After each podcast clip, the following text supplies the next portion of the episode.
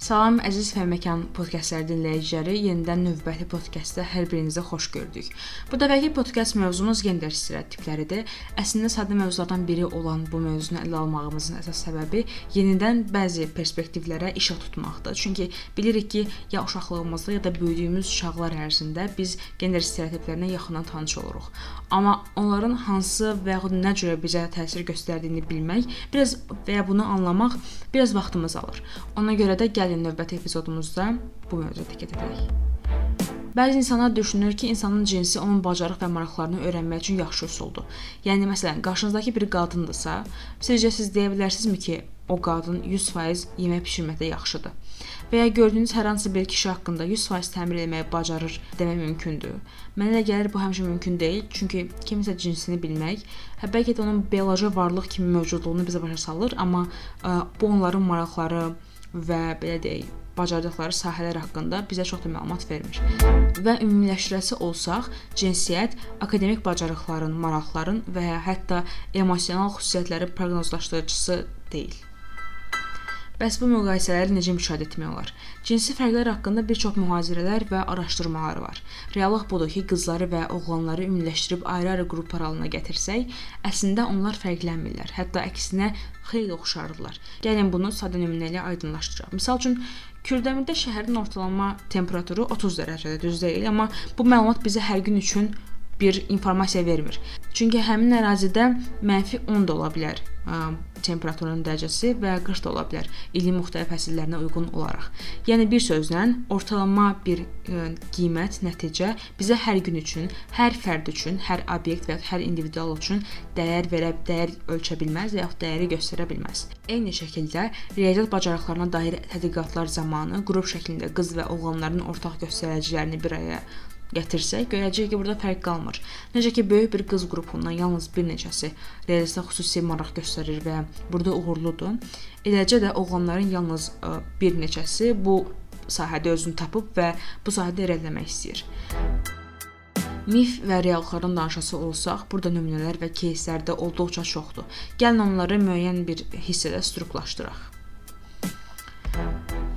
Riyaziyyat demişkən, gəlin birinci mifimizdən başlayaq. Qadınlar riyaziyyatı və ya texniki fənləri qavraya bilməzlər mifi. Bəs bu mifdən hansı nəticələr doğur? Orta məktəbdə oxuyan qızlar artıq texniki fənləri, xüsusilə riyaziyyatı kişi fənni hesab edir və dərsləri qavramaq üçün zəhmət çəkməyə belə istəmirlər. İkinci nəticə isə artıq bu miflər üzündən qızlar onlarla eyni bacarığa sahib oğlanların əksinə texniki peşələrə yönəlməkdən çəkinirlər və ya bu sahədə xüsusi istedadları olsa belə bunu kəşf edə bilmirlər və eyni zamanda daim öz potensiallarını aşağı görüb yaxşı nəticələr üçün cəhd etmək əvəzinə tez mübarizədən əl çəkirlər. Bəs bu mifi yox etmək üçün nə edə bilərik?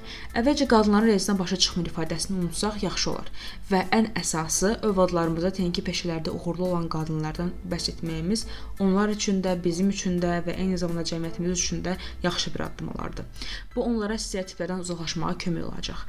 Qız uşaqları artıq riyaziyyatı oxumağa da ə, şans verəcək. Oğlan uşaqları isə böyüyəndə texniki fəndə oxuyan bir qız, tələbə yoldaşı görəndə ona qəribə baxmayacaq və başa düşməmiş mühakimə etməyəcək. İkinci mif. Yox, kişilər bioloji olaraq qadınlardan həmişə üstün olublar. Bu mifin əks təsirləridir ki, ailə daxilində qız övladlardan elm və texnika baxımından gözlənti ya çox aşağı olur, ya da heç olmur. Bəzi təhsil işçiləri sinifdə öz davranışlarını genderə uyğunlaşmaqla əlaqələndirirlər. Yəni qıza və oğlana onların cinsiyyətinə uyğun davranmaq. Məsələn, hansısa bir müəllim qız şagirdinə daha az diqqətlə yanaşmasını, o onsuz da qız uşağıdır, fizikən nə başa düşəcək kimi ifadə eləyə bilər. Bəs çıxış yolumuz var. Bu dünyada əzm və iradənin bacarmayacağı şey yoxdur, bunu hamımız bilirik. Yəni bilinənin əksinə qadınlar da elində yer ala bilərlər. Necə ki, hazırda xeyli sayda alim, fizik, riyaziyyatçı qadın mövcuddur.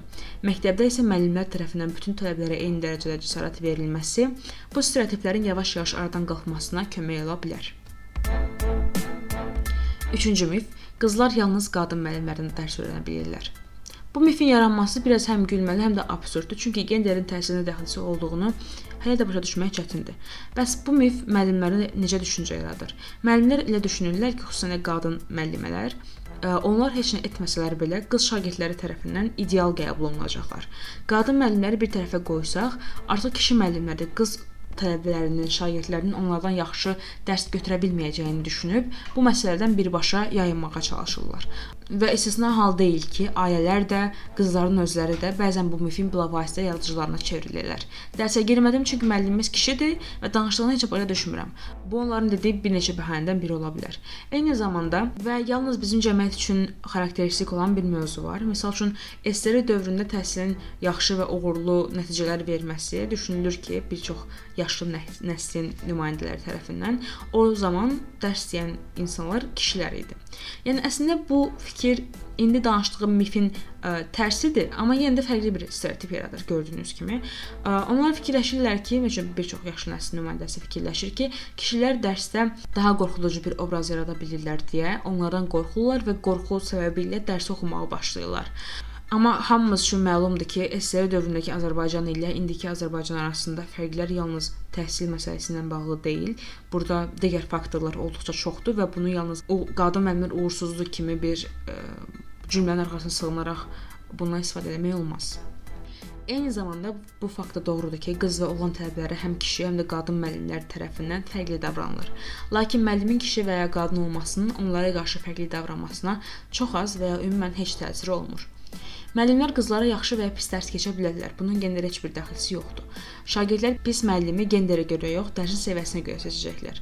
Amma əgər qız tələbə ona riyaziyyat və ya texniki fənlərdən dərs deyən bir qadın obrazı görmürsə, qadınların riyaziyyatı və ya digər elmləri qavraması ilə bağlı miflərə dəstək vermiş olur və bir növ onları istərsəmiz ağlında yaratmış olur.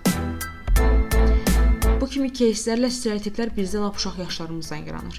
Mürəkkəbliyi çətindir, sadəliyi isə asan və biz çox zaman mürəkkəb bir şeyi anlamaq üçün onu sadə şeylərlə əlaqələndirib mühakimə etməliyik. Stereotiplərə inanmaq çox asandır.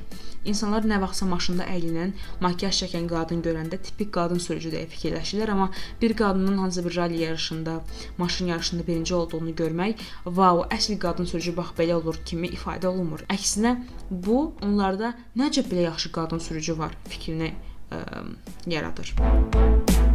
Bunlar qəbul olunmuş, amma nadir hallarda qarşı çıxılan stereotiplərdir. Bəs biz reallıqla stereotipi necə fərqləndirə bilərik?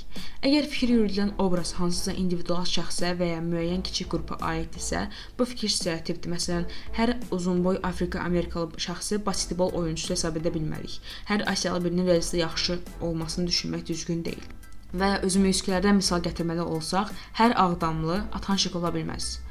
Əgər fikrin aid edildiyi qrupa elə də olmalı deyə müraciət edilirsə, bu da çox güman stereotipdir. Məsələn, desək ki, Fidan Rövşəndən daha yaxşı uşaq baxar, çünki o qadındır. Bu da bir stereotipdir. Hər hansı bir əşya, kitab, oyuncaq və s. oğlanlar üçün və ya qızlar üçün etiketlənsə, bu da stereotipdir. Məsələn, kimyəvi ləvazamatlar setinin üstündə yalnız oğlanların şəklinin olması buna bir nümunədir. Qızlara çəhrayı, oğlanlara göy rəngin yaraşdırılması da bu nümunələrdən biri hesab oluna bilər. Bir sözlə, qadın və kişilər haqqında miflərin əksəriyyəti uşaqlığımızdan yaranır və bu miflər bizimlə birgə böyüyərək bəzən xəyallarımızı, bəzən isə məqsədlərimizi üstələyirlər. Stereotipləri məhv etməyin tək yolu empatiya qurmaq və yanlış bilinənlərə bu haqqda kömək etməkdir. Və siz Fəməkanın növbəti epizodunu dinlədiniz. Bu artıq 5-ci epizodumuz idi və gələn epizodda görüşmək bizim üçün də çox xoş olardı. Məkanı Instagram və Facebookda izləməyi unutmayın. Gələn görüşlərə dək.